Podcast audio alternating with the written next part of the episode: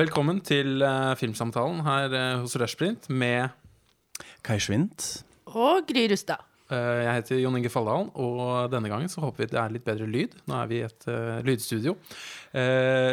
Kai, Gry og jeg eh, skal i dag snakke om eh, Trump og populærkulturen. Ja. Ja, vi kan jo si det at eh, vi var jo så fornøyd med Kai som gjest at vi har bedt han om å bli fast medlem.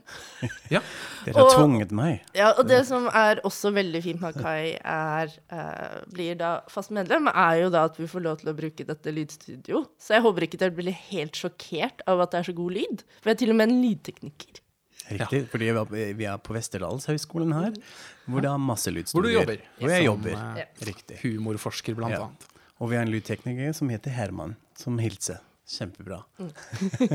Det var selvreklamen for Ja, eh, diverse ting. Det liker vi jo. Eh, Men det er jo en sånn del av Trump-retorikken. Eh, Man går ut og snakker om familiens eh, kleskolleksjoner og sånne ting. Så dette er helt i. Ja. Eh, Vi skal snakke om satire, vi skal snakke om TV-show, eh, TV-serier, filmer som har kommet, som er på vei, som man kanskje kan lese inn i en slags Trump-æra. Eh, Jeg har sett alle disse filmene til hans sjefstrateg Steven Bannon, som vi skal komme til etter hvert. Som er 20 filmer, fiksjonsfilmer og dokumentarfilmer som viser noe frem denne litt sånn dommedagsprofetiene som eh, er ute og går. Men eh, satireparadokset, Kai, har du eh, snakket om. Hva er det for noe? Ja, det er jo den store debatten akkurat nå, når man ser f.eks. på det som skjer i Saturday Night Live, som er jo merkelig nok fortsatt en veldig sånn relevant uh, kultur-touchpoint i, i amerikansk populærkultur. Det har jo faktisk aldri vært mer populært Ja, enn det det der nå. Det har jo fått en ny Ja. sånn seerstorm, Ja. faktisk. Og det syns jeg er veldig, veldig interessant når man ser på det, fordi det er så utrolig gammeldags. Sånn koselig gammeldags med disse sketsjformatene, og det er litt sånn dårlig skuespill og pappkulissefølelse rundt det, men den er superrelevant. Uh, og de har jo, eh, hvis man ser gjennom historien, tatt opp politikk, og da spesielt presidenter, election campaigns, på helt ulike forskjellige måter. Og det man mener med denne debatten rundt satireparadoks, er at man, har, man spør rett og slett hva har de gjort ut av denne relevante satiren? Er det noe som går dit hvor det gjør vondt, eller har det blitt for koselig, og for snill? Uh, hvis man f.eks. tar med Sarah Palin, som man egentlig skal gjøre narr av, som plutselig er med i programmet, eh, eller andre kandidater. Hillary Clinton har også vært med selv i en sketsj. Hvor da den hovedkritikken går ut over ok, nå bare er de med, they're in on the joke, eh, og da er det rett og slett ikke farlig nok lenger, eller relevant nok. Så det er den store debatten. Eh, og det, man har jo et poeng, tenker spesielt hvis man f.eks. også ser på hvordan de har klart å tackle Obama som person, og denne Obama-administrasjonen, hvor man har ikke helt sånn turt å gå dit hvor det gjør vondt, eller hvor man kan være veldig kritisk. Det var han Jay Farrow, jeg vet aldri hvordan man uttaler sånn, Farrow eller Farrow, som har parodert han, som har spilt han. Og det var også litt sånn vanilla og aldri helt sånn supervellykket. Men nå er de altså tilbake med Trump og Alec Baldwin, som uh, paroderer han. Eller min eh, favoritt, Ja. uh, Melissa McCarthy, som uh, Sean Ja, Spicer. veldig bra. Og da, da, nå følte jeg også de siste, de siste ukene og månedene når man ser på SNL, at det er litt sånn spark tilbake. Nå skjer det noe. Debatten er jo fortsatt er, er det så lurt å gå etter Ja, ja, gjøre narr av sveisen til Trump og at han har oransje tryne og sånt. Eh, og det føler jeg har også påvirket forfatterne forfatteren litt. De går litt mer etter sakene nå. De gjør selvfølgelig nær av den retorikken og sånt. Men man går litt mer til det det handler om. Medie, rolle med medier. Ballen, ikke mannen. Ja, ikke sant. Mm. så sånn sett tror jeg de er på vei tilbake til en mer sånn relevant, i anførselstegn, satire rundt dette. Jeg vet ikke hvordan dere opplever det. Eh, og man kan jo også si at det de lykkes i, er jo at Trump hater det. Uh, Ja. Og hele administrasjonen hans hater det. Og kanskje det beste med Sean Spicer var jo at han var så sur fordi han ble portrettert av en kvinne. uh, så sånn sett så treffer jo satiren i det at de de prøver å treffe, blir faktisk skikkelig, skikkelig sure. Men det kan jo også ha noe med at de totalt mangler sans for humor. Og jeg tenker Grunnen til at det var så vanskelig å gjøre narr av Obama, er jo fordi han var en skikkelig kul fyr som hadde selvironi og kunne spøke. Og for eksempel hans uh, White House, uh, White House um, Den pressemiddagen. Uh, de talene han hadde der, var jo ofte vel så morsomme. Altså, det er jo en grunn til at Obama ble med som gjest i uh, Comedians in Car um, right, uh, Having Coffee, uh, Seinfeld. Yeah, yeah. med Seinfeld. Mm. Og da sier jo Seinfeld at grunnen til at han har invitert med Obama, er fordi han ser på han som en standup-komiker. Mm. Fordi han er så morsom. Mm. Yeah. Um, så jeg tror nok det også ligger der. Det er jo veldig lett å ta mennesker som ikke eier selvironi. Ja, det stemmer. Men det er akkurat der den kritikken går, slår på. At man sier ja men jobben deres er faktisk å finne en relevant kritikk i Obama-administrasjonen og han som person òg. Mm. Uh, så man kan jo argumentere for at spesielt Saturday Night Live og mange comedy-formater har vært en del av denne boblen eh, som man har snakket om så mye. Den liberale boblen som har De var vel mye tøffere mot Clinton på ja. 90-tallet, f.eks. Absolutt. Han ja. fikk vel kjørt seg et godt tiår ja. med vitser. Ja. Og eh, denne Steve Bannon, da han laget Undefeated-dokumentaren om Sarah Palin i 2011, eh, så var det nettopp fordi han var så sur på denne behandlingen fra Hollywood mot henne at hun ble så latterliggjort. Så de første fem minuttene der er bare klipp av Matt Damon og Rosie O'Donnell og sånne som Madonna som kaller Palin en bitch fra konsertscenen og sånne ting. Så bruker han det som en sånn bakgrunn for å si om men se her, nå skal vi høre på lydboken hennes, og hun skal mm. fortelle om hvor flott hun var i Alaska med sine barn, og hvordan hun kjempet mot oljemakten eh, osv. Så, videre. mm. eh, så det brukes jo da effektivt fra eh, høyresiden i ja. sin, sin propagandavirksomhet. Da. Og sånn sett er det jo ikke så heldig å spille da en slags enkel pasning ja. eh, til eh, hva skal jeg si, den siden av det politiske spekteret ved å lage satiren for enkelt og for mm. person- og utseende fokusert og sånne ting. Ja. det er jo det. Jeg tror det har absolutt eh, vært med i, i det sjokket, også når man snakker med folk i USA, og det vet du kanskje mer om, Gry, uh, at man var så sikker at dette kom ikke til å skje. Altså, også pga. representasjonen rundt disse figurene, uh, hvor da disse comedy-formatene har liksom tatt, gjort sin del. Uh, at det er en sånn grotesk et sånn grotesk skapning som Trump. Uh, det, det, kan jo vel ikke bli president. og så ja. kan man jo også si at uh, mediene og dette fokuset, også satiren og i disse late night talkshowene Altså fokuset på Trump har jo også gitt han mer oppmerksomhet. Og John Oliver har jo diskutert det litt, fordi han hadde jo under valgkampen så dekket han jo valgkampen, men han ga ikke Trump noe mer oppmerksomhet enn de andre, og fokuserte ikke så mye på Trump, da. Uh, og han har egentlig ikke lyst til å gjøre det nå heller. Han har fremdeles lyst til å fokusere på disse andre typer sakene som får veldig lite oppmerksomhet.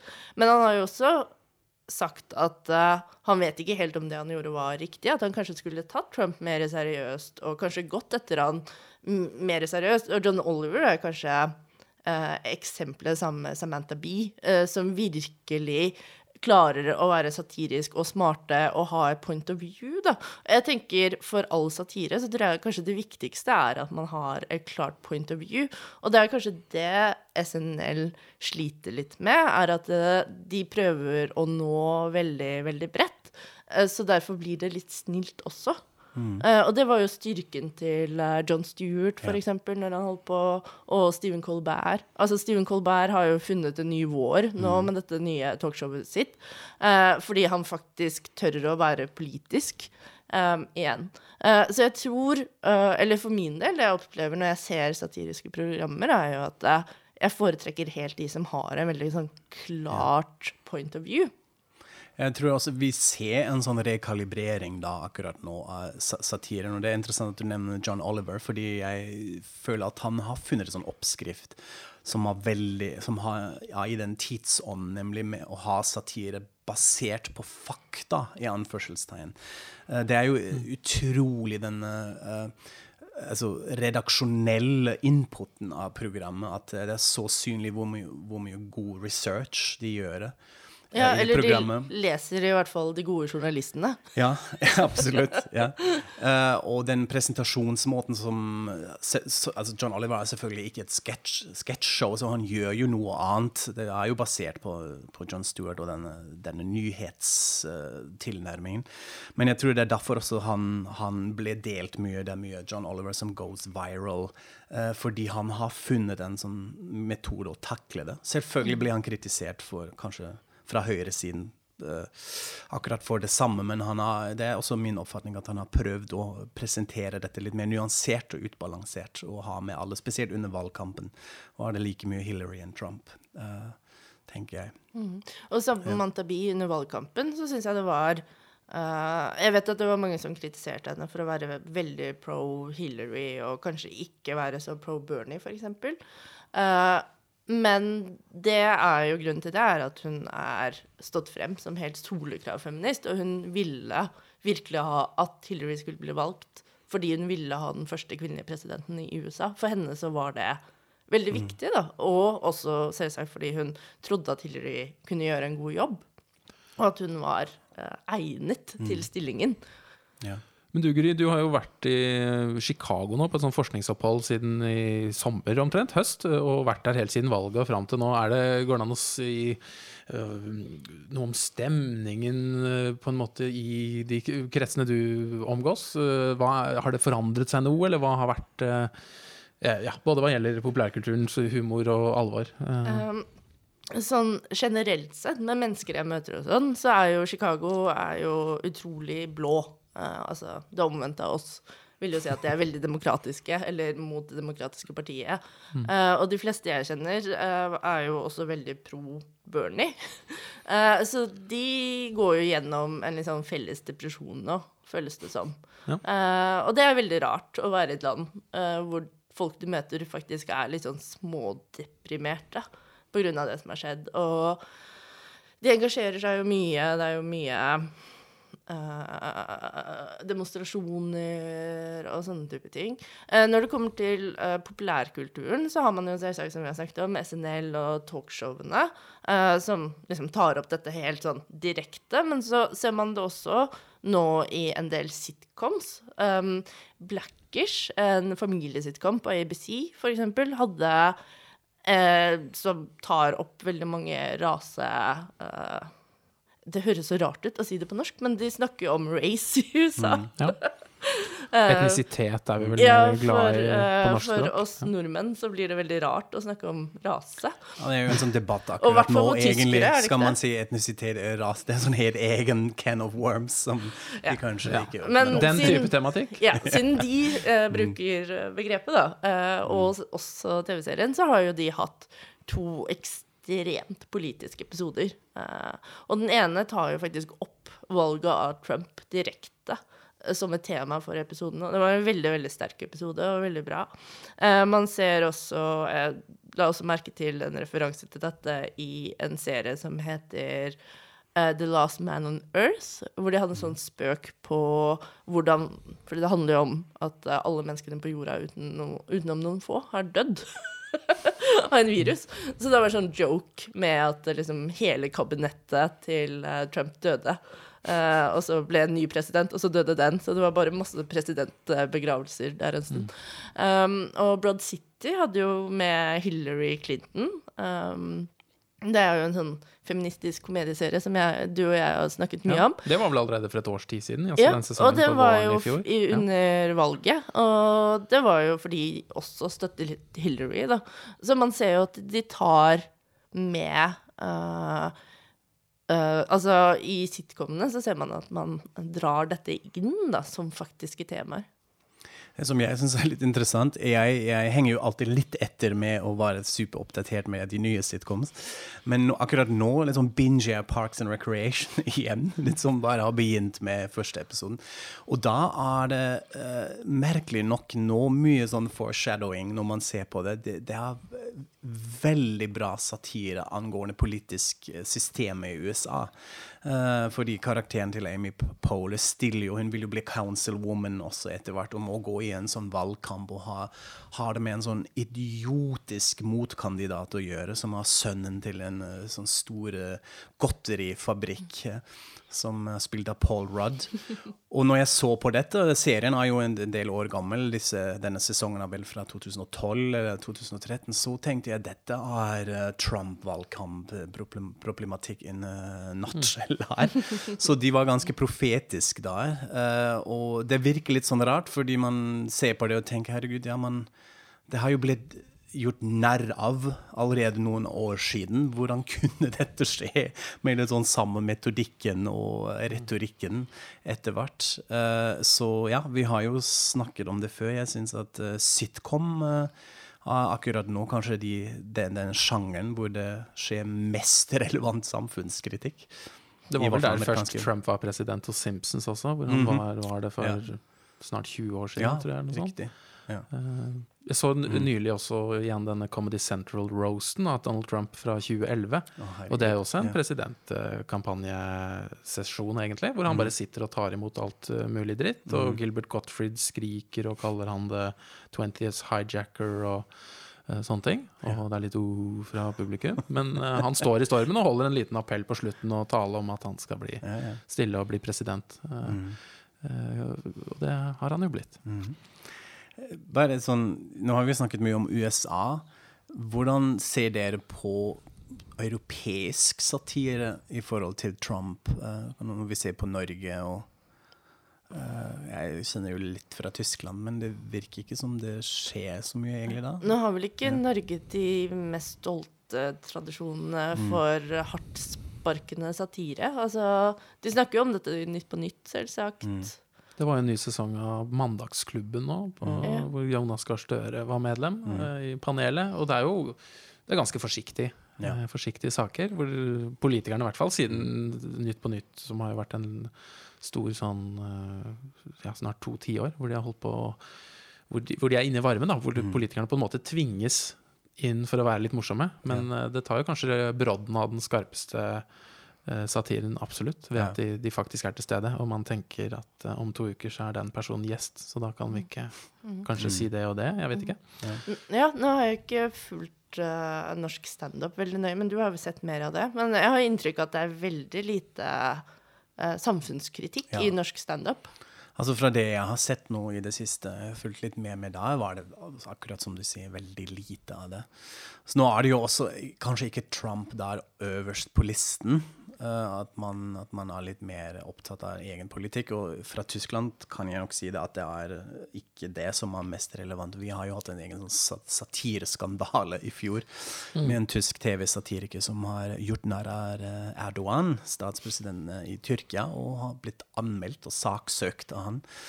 Og den saken er ikke ferdig ennå, så man er nok litt mer opptatt av det. Og det er jo også bra. Altså, man har jo også en veldig stor USA-fokus her, i hvert fall, eh, med å følge valgkampen og kanskje litt sånn ukritisk ta med alle de debattene fra USA og bare liksom rapportere om den. Det syns jeg er litt merkelig av og til, at man legger seg flat da denne diskursen som, som kommer derfra. Uh, da, da, ser jeg i hvert fall noen forskjeller mellom Tyskland og Norge, hvor vi er litt mer opptatt av noe annet.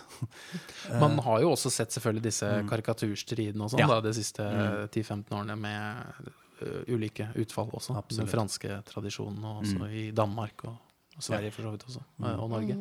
Ja.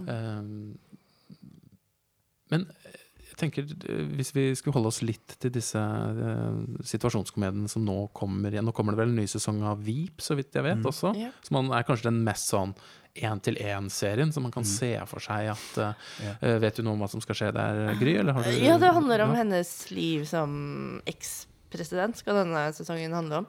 Ja. Uh, men det er jo morsomt. Det, har jeg har hørt folk som jobber i Washington, sier jo at av alle representasjonene av Det hvite huset, hvis man tar uh, House of Cards, man tar West Wing, og så da Veep, så er visstnok Veep den som er mest lik okay. hvordan livene deres faktisk uh, er. Men blir hun uh, en slags Hillary, hun da kanskje, som er på en måte ute av politikken? Er det det ja, rollen det hennes kanskje blir? Uh, mer sånn som det. Men det er jo litt sånn interessant hvis man ser representasjoner av politikk og Det hvite hus, så var det jo Eh, mens Clinton Nei, mens Bush var president, så var det jo veldig sånn eh, positiv tro på presidenten og det politiske liv. Eh, nå i det siste så har det jo vært sånn scandal av House of Cards, eh, hvor begge presidentene har da vært mordere. Altså de har drept mennesker. Eh, og scandal så blir jo presidenten valgt av en um, Altså de jukser. Valgkampens juks. Uh, så de seriene har jo, viser jo en utrolig liten tro på demokratiet. Og det er jo litt interessant å se hva som kommer til å skje nå. Altså fordi disse veldig mørke representasjonene av politikk har jo da vært under Obama, så det blir jo spennende å se hva slags representasjoner av politikk vi kommer til å se nå under Trump. Han sa jo banden nylig i februar eh, at eh, en av de tre viktigste hovedsatsingene til administrasjonen er jo en dekonstruksjon av den administrative staten.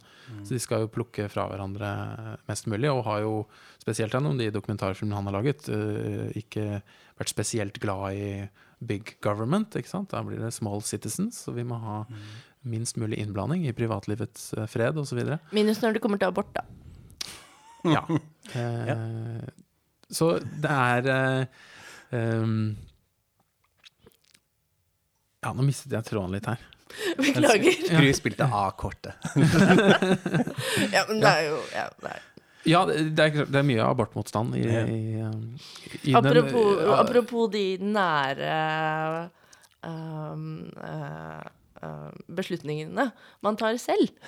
Ja. Det er, altså, det er noe veldig paradoksalt i den uh, retorikken. Da. Uh, hvis jeg skal holde meg litt til de der dokumentarfilmene, så har du de Han lager mange sånne puff pieces. Banden han har laget om uh, Ronald Reagan, som er det beste som har skjedd noensinne for USA, og er den forrige egentlig ordentlige presidenten, er Ronald Reagan. Alt etter det har vært veldig dårlig, og han reddet verden alene, egenhendig på ranchen sin, sto og hogget ved, og dro til Berlin og rev ned muren, og ødela og knuste kommunismen. Eh, han har laget to filmer om eh, Reagan. Eh, og så er det Palin, som han puffet opp. Eh, og så eh, er det de konservative kvinnene. 'Fire from the Heartland', 'The Rise', eller 'The Awakening of the Conservative Woman'. eh, En sånn dokumentar som har intervjuer med mange av de fremadstormende politiske Kvinner som Eh, hater andre kvinner. ja, Noen vil argumentere det, fra venstresiden, absolutt. Grieg gjør det. Ja. Eh, og så er det disse dommedagsprofetiene. Eh, blant annet 'Occupy Unmasked', som kom eh, i eh, 2012, tror jeg det var. Eh, hvor retorikken er bare mot denne venstresidebevegelsen som skitten og teltleire som er litt sånn hippieaktig, og det er Woodstock på nytt, og de voldtar hverandre, og de bæsjer Ja. på gata og er slemme. Så Andrew Breitbart han står og skriker mot slutten av dokumentaren 'Stop raping people'. Stop raping people, skriker han utover folkemengdene. Og er en slags helt, da. Så venstresiden og alle meksikanere, med andre ord, voldtar. Ja, og så er det i, i sånne dokumentarer som heter Border War og Cochise County, hvor eh, han har vært eksekutiv produsent, så er det mye sånn eh, skitne klær, eh, avfall etter eh, innvandrere som har gått over grensen og sånne ting. Hvor kan man Ja. se kan, Er de online, disse? Eh, eller? to av dem finner dem på YouTube, den som heter Occupy and Unmasked, og Generation Zero fra Mhm. 2010, som er om finanskrisens meltdown. Så de er lett å se der. Ellers har jeg vært nødt til å bestille fra Amazon og sånn. Okay. Så nå, alle reklamene mine på internett er nå overvåkningskameraer og våpen. Forrige gang jeg var inne på Dagbladet, så var det det var helt svart av overvåkningskameraer og våpen. Så algoritmene nå har nå uh, kategorisert meg som høyrevridd. Men da slipper du fint inn i USA? Du har ikke noe Ja, problem med å reise nå? nå? er nok lettere å få visum fint. kanskje neste gang. Jeg tror generelt sett som hvit mann at det er ganske lett å komme inn i USA.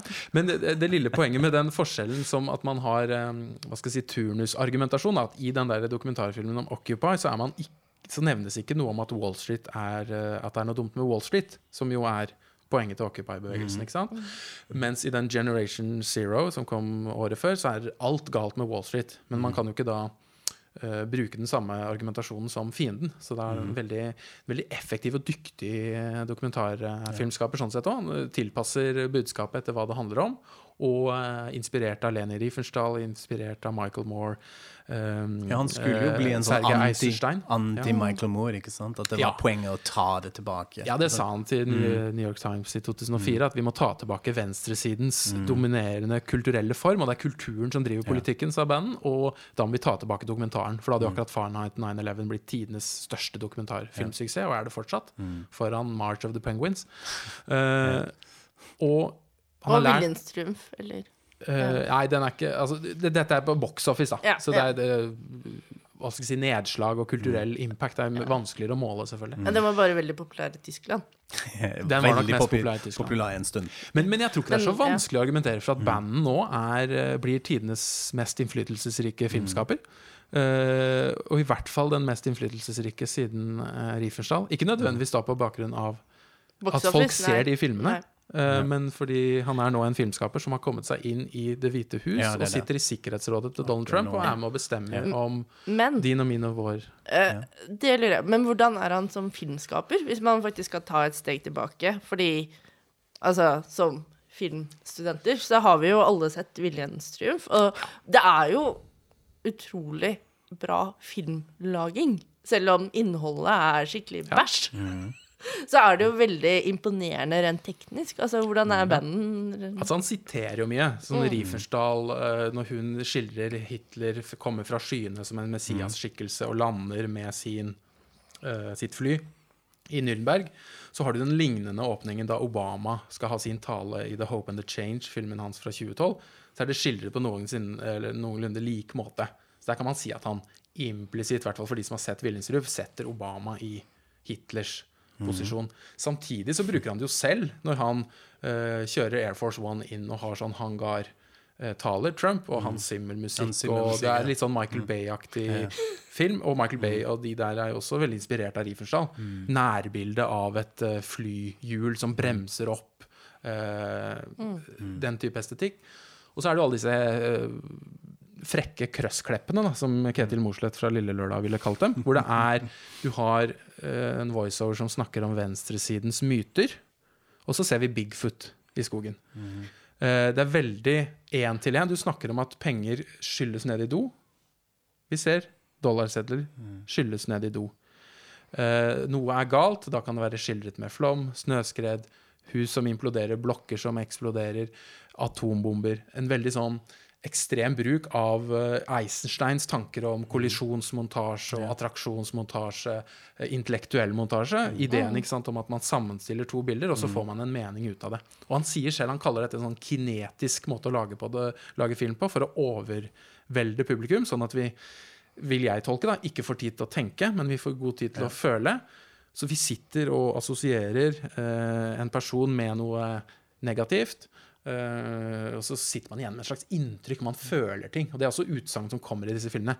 Eh, eras that feel similar, snakker de om. Eller at I feel it is a tax. Mm. Men de det er faktisk ting. veldig amerikansk, er at alle føler ting. Ja, det er uh, eh, Dette er kanskje ikke så uh, relevant for populærkulturen, men dagen etter valget så var jeg på en sånn workshop, og da måtte vi alle skrive en lapp med de tre følelsene vi følte da vi våknet dagen etter valget.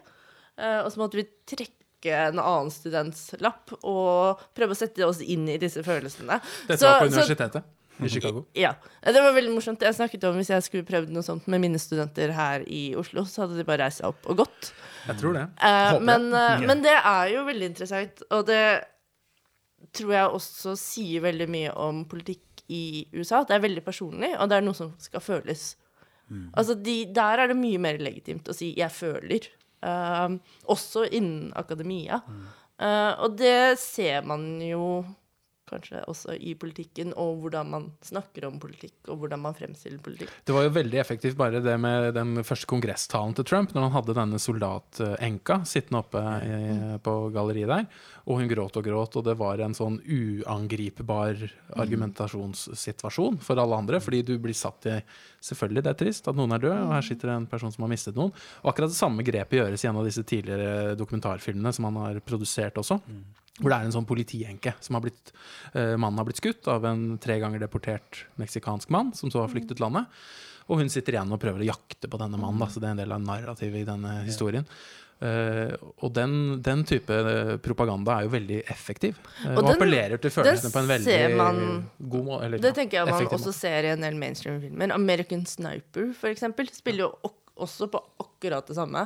Eh, jeg så Hawk So Rich. Den syns jeg også spiller veldig på den der amerikanske sentimentalismen og følelsene og, og liksom den amerikanske helten.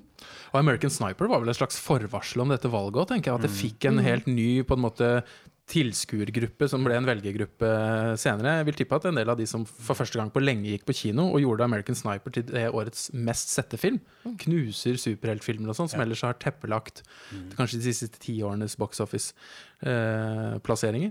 Så ja. Men Det er, det, også, sorry, det er også litt interessant når vi snakker om den impacten, når vi ser på den rekken nå, som vi har snakket om, Riefenstahl og Michael Moore og Bannon nå, den propagandaen. Det som jeg syns er mest interessant, er hvorvidt f.eks. banddokumentar kommer til å nå til andre og komme utafor denne boblen uh, i, i dette tidsalderet som vi befinner oss i, med en, en litt mer, mye mer fragmentert medielandskap. Eller om de liksom preacher to their own med, med dette. Fordi det er det som er imponerende med Michael Moore, at, han, at de har nådd så, så bred. Altså at så mange har sett disse filmene, og Riefenstahl er selvfølgelig også en annen sjanger og tid hvor dette dominerte mediene fordi det fantes ikke noe særlig annet. Uh, så det er spørsmål hvor mye impact, impact Ja. kommer dette til å ha. Og, nå. Og det går nok mye på talent. Altså det, har vært Ja. det, det har jo denne banden uttalt også, at det har vært manglende talent på Ja. hans politiske side. Og han vil ikke klage over at Hollywood ikke har finansiert Ja. han og sine meningsfellers produkter, fordi de har vært for dårlige, og de har ikke vært flinke nok. Så han har forsøkt å bli en dyktig filmskaper, eh, og har ikke lykkes, uh, Ja. syns jeg. Jeg syns han lager spesielt gode filmer. Det er noen av de som er litt mer sobre enn andre, og det er best når han ikke er i registolen. Da er de litt mer, Når han lar andre regissere, så er de litt mer forsonende og forsiktige. Uh, han øser på med disse kryssklippene, som blir veldig slitsomme etter hvert. Å ha en hai som sirkler rundt en dollarseddel nede i vann, eller se noen CGI-dinosaurer komme mot oss mens det sier noe skummelt, det, det er ikke så veldig overbevisende. Og det er på grensen til det latterlige. Men jeg tror vel det er noe av det samme som de vel også de, de- de første fremste liksom, filmpropagandistene i verden oppdaget, er at du, du, du får ikke brukt propaganda til å rekruttere så veldig mange nye frelste, men du klarer å opprettholde moralen hos de allerede frelste. Og det er det jeg tror disse filmene, bl.a. de produsert av Citizens United, og sånt, som er en organisasjon som har jobbet øh, for høyresiden i USA, at man klarer å preach to the uh, choir, altså mm. snakke til menigheten. Mens ikke sant, Michael Moore han har nådd mye bredere ut, fordi han har vært en ekstremt dyktig filmskaper som har klart å, og, og, og, bruke humor, f.eks. Ja. De er jo dønn alvorlige. Det er Ja. melodrama og øh, krig og vold. Det er jo det disse Ja, og Michael Moore har jo vært litt sånn på fronten av også disse latterliggjøringsprosessene.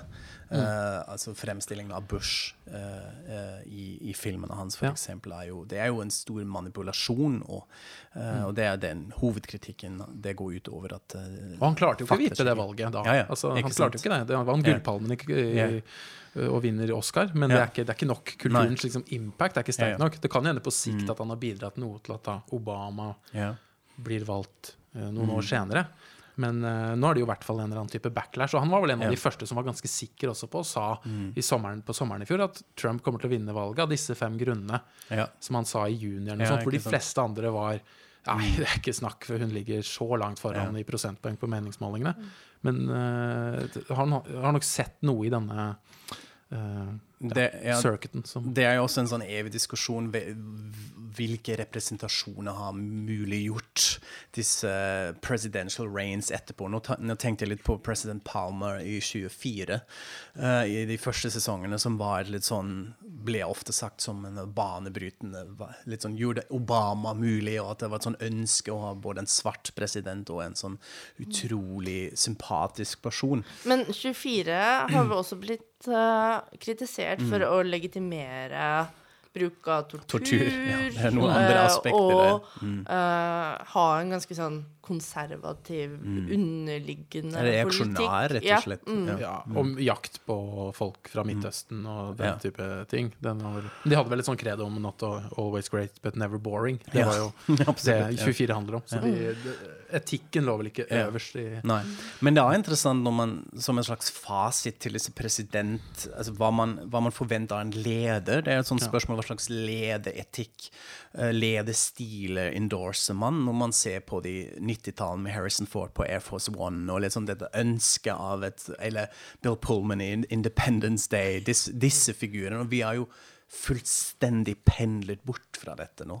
Eh, det er uh, Kevin Spacey og uh, korrupsjon og, og mørke ting i Hvitehuset som dominerer dette. Så det blir spennende å se om vi får en slags backlash nå, om vi får litt mer sympatiske presidentfigurer i populærkulturen som en reaksjon på Trump, eller om man går med dette at det er bare Ja, sånn all hope West is lost. Ja, for eh, eksempel var West Wing. under Ja. Mm. Bush.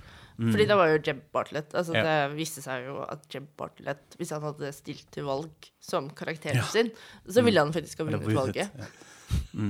Eh, men jeg tenkte på de liksom hyggelige tingene da, som skjer i filmen. Er, jeg så nå at Hidden Figures er faktisk uh, denne filmen uh, som handler om disse afroamerikanske NASA-damene. Ja. Ja. Eh, har faktisk gjort det bedre på The Box Office enn en del av disse superheltfilmene. Mhm, ok. Eh, Så det er jo Det er den filmen som har gjort det beste av alle Oscar-filmene. Så det er jo gode nyheter. At man på den ene siden så har man en film om afroamerikanske kvinner. Altså det er minoriteter, det. Da er du dobbelt minoritet. Eh, gjør det såpass bra på um, The Box Office, og at faktisk Moonlight vant Oscar for beste film. Eh, det var jo kjempeoverraskende, og det ble jo veldig overraskende pga. det som skjedde på, under Oscarseremonien. Vant heldigvis Eh, kjapt beste film. Men det sier jo også noe om hvordan Hollywood eh, møter Trump. Og man har jo også sett det i en del sånn prisseremonier, eh, hvor eh, disse skuespillerne er veldig politiske. Um, for eksempel Meryl Streep sin tale da hun vant Golden Globe, har jo blitt veldig hyllet. Jeg mener at den er litt problematisk, og talen hennes litt av grunnen til Viser litt av grunnen til hvorfor venstresiden tapte dette valget. Eh, men, men det er en viss arroganse der overfor den en del av kulturen. Ja, Ja. men Samtidig har man dette som du var inne på i, i begynnelsen, at, at det har kanskje aldri skjedd før at målet kommenterer selv. Altså Trump uttaler seg om Streep og kaller henne underrated, uh, uh, overrated og sånne ting. Altså det, det er også så lett. Så ble det en sånn running ja, gag på Oscar sant, Ja. som man kunne bygge Så du, videre du har, det er også en sånn veldig lett eh, for, for da andre siden å, å ta det opp, fordi du vet han, han ser han sitter på og ser på og tweeter. Mm. Litt som Jimmy Kimmel gjorde narr av når han går på do klokka fem om morgenen, så tweeter han noe om denne, denne Oscar. Mm. Men kan han fortsette sånn, tro? Er det Det virker jo sånn. Det, Han har jo fortsatt Folk trodde jo at Mm. han kanskje kom til å slutte da han ble valgt. Det er fortsatt tidlig, da. Vi er ja. Det er litt tidlig. Jeg regner med altså, Nå er vi jo helt utafor vår egen kompetanse her, men eh, at det kommer på en måte en viss realpolitikk, reality check, eh, med et eller annet krigsscenario eller noe sånt, hvor han må faktisk gjøre jobben sin på en annen måte. Men det har jo også påvirket hvordan media tar dette opp, så lenge mainstream media er så opptatt av eh, random tweets eh, som han sender ut midt på natta, så forblir vi alle i den bobla. Ja. Og så må det jo også være sagt at man skal være litt forsiktig med å lese for mye av, ut av hvordan uh, underholdningsbransjen Ja. reagerer på politikk. Og altså, samtidig som man kan forstå Moonlight, at Moonlight vant, eh, som en sånn positiv utvikling, da. uh, som går imot Trump sine meninger og doktriner, så skjedde det omvendte under Grammy-utdelingen, hvor da Adele uh, vant nesten alle prisene foran Beyoncé, hvor man da tenkte at det kanskje skulle være omvendt. Men da velger man liksom den hvite, ufarlige kvinnen fremfor uh, dette fantastiske albumet til Beyoncé, og film, så dette her er jo relevant. Så er det en veldig vanskelig sånn uh, materie, tenker jeg også. Eh, Det er jo veldig problematisk, tenker jeg. La La Land kan jo være et sånt eksempel på det at man leser altså Noe av resepsjonen av den er at man leser det veldig inn i en sånn det er ikke noen afroamerikanere særlig representert der. Man ser helt bort fra John Legend, da, mange av den kritikken. Og at det er for lite skeive, f.eks. At det er ikke nok fordi dette er jo liksom musikal. Vi må jo ha den stereotypen inne. Uh, og så har det den siden som hyller det, som ser det som en uh, flott drøm og eskapisme og inn i en sjanger. Uh, og som kanskje ser bort ifra de andre altså, Jeg, jeg syns det er så mye ny, lite nyansert eh, tilbakemelding til Det er sånn ryggmargsrefleks. Det var en sånn Netflix-serie som nå alle skulle cancele. Var det Dear White People? Da var det, da var det Ja. høyresiden som fordi det handla om uh, noe som de reagerte på, med ryggmargsrefleks. Å nei, da skal jeg Nå hater jeg alt som har med det å gjøre. Fordi. Men dette syns jeg skjer virker som den amerikanske kulturen er så polarisert at det ikke nesten ikke er noe ønske om et sånn tredje ståsted Ja, hvor man kan snakkes og enes om noe. At det er noen veldig sånn strenge innhegninger Mm. hvor man holder seg til seg og sitt. Og, og det tror jeg ikke er veien å gå. Og, det, og hele, Og det er akkurat det også hvor man må være litt flinkere med å kanskje kaste litt mer sånn metaetisk, analytisk blikk på disse debattene. At vi ikke bare tar de som de På den måten de er generert i USA. Fordi det, det er ja, på en måte en så fastkjørt debatt. eh, Og hvordan det, det pendler mellom det med, preget av trigger-ord, hvor folk reagerer helt blind på ting. Hvor, hvor jeg tror mediene generelt må gjøre en bedre jobb også med å analysere dette og påpeke dette, og spesielt herfra. Ja, fordi det var jo i USA. Jeg vet ikke om dere fikk det med dere her. Men da satte man jo Moonlight og La La Land opp mot hverandre, og folk hatet La La Land.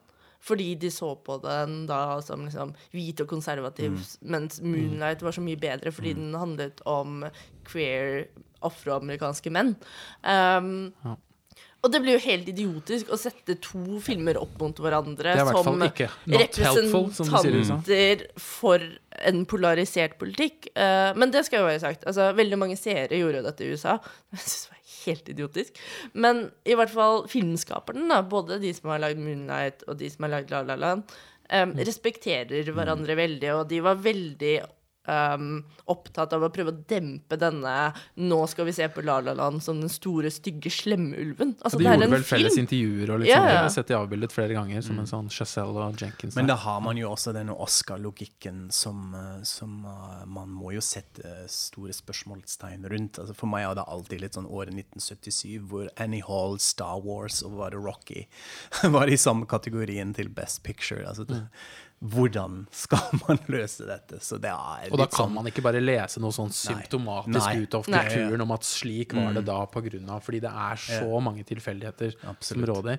Eh, jeg syns en av de beste TV-serieepisodene jeg så i fjor, var den i Atlanta, hvor han uh, er på et sånt talkshow hvor du snakker med en sånn feministdame, denne rapperen med masse bling som har blitt anklaget for å være sexistisk, og så kommer det en reportasje om en som er transracial en afroamerikansk kar, litt korpulent, som identifiserer seg som en 35 år gammel hvit mann, men som ikke får denne respekten fra sine venner osv. Og, så og som eh, prøver å tvinne sammen mange av disse ulike debattene og se litt eh, på en måte hvor latterlig hele den metadebatten også er, da, som løfter det opp på et litt eh, eh, høyere nivå. At man det er, det er så mange sånne ryggmargsreflekser om at det kan ikke jeg like, eller det kan ikke jeg se på, eller dette må være noe galt fordi det er slik og slik og slik.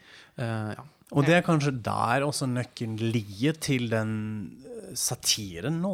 At man går og påpeker nettopp disse debattene eh, med et sånt metablikk på, og prøve å gjøre av akkurat dette. Som ja, nå kanskje SNL også begynner å komme inn på, men i hvert fall også de andre uh, formatene som vi har snakket om, og spesielt i sitcom-sjangeren, hvor dette begynner å boble litt mer med et sånn blikk på med den brillen, at vi må se på metablikket litt mer. Absolutt. Men det sagt, så syns jeg også det er veldig fint med disse, det som er bra med disk, disse, disse diskusjonene, da, og eksempel fjorårets Oscars og White-kampanje, er jo at man har fått mer fokus på hvor lite mangfoldig underholdningsbransjen er. I USA og egentlig i hele verden. Eh, og det er jo veldig bra å sette fokus på det, og at man da får serier som eksempel Atlanta. Eller filmer som Moonlight. Um, eh, så, det, så når vi snakker om at man ikke kan lese uh, kultur på den måten, så er det jo også et poeng at uh, denne metadiskursen også er veldig bra for å få frem andre typer stemmer, andre typer serier, andre typer perspektiv da, som man tar med seg inn i fiksjonen. Men da tenker jeg det er viktig at det uh, følges opp med argumenter, og at det er logiske, faktabaserte eh, ja, hva skal jeg si, innvendinger som kommer mot, eh, holdt på å si, fra begge parter da, innen den amerikanske konteksten. Fordi i hvert fall sånn jeg leser det, så er det veldig mye av disse ja, anmeldelsene eller bloggene eller mm. uh, Twitter-reaksjonene som, eh, som ikke er basert på kunnskap, uh, fakta. Følelser. Jeg føler, ja, jeg det føler er at dette var veldig dårlig. Ja, jeg føler at dette er rasistisk, eller Ja, jeg føler føler at dette er Føler meg veldig støtt. ja, Ja, det gjør det jo veldig mye. Ja. Føler seg støtt. Mm. Støtt og stadig. Krenkorama. Ja. Men eh, er vi eh, kanskje kommet dit at vi eh, takker for eh, denne Tror gang? det? Jeg tror ikke vi kommer til å klare å løse verdensproblemene på denne Jeg tror dette er en sånn to be continued Ja.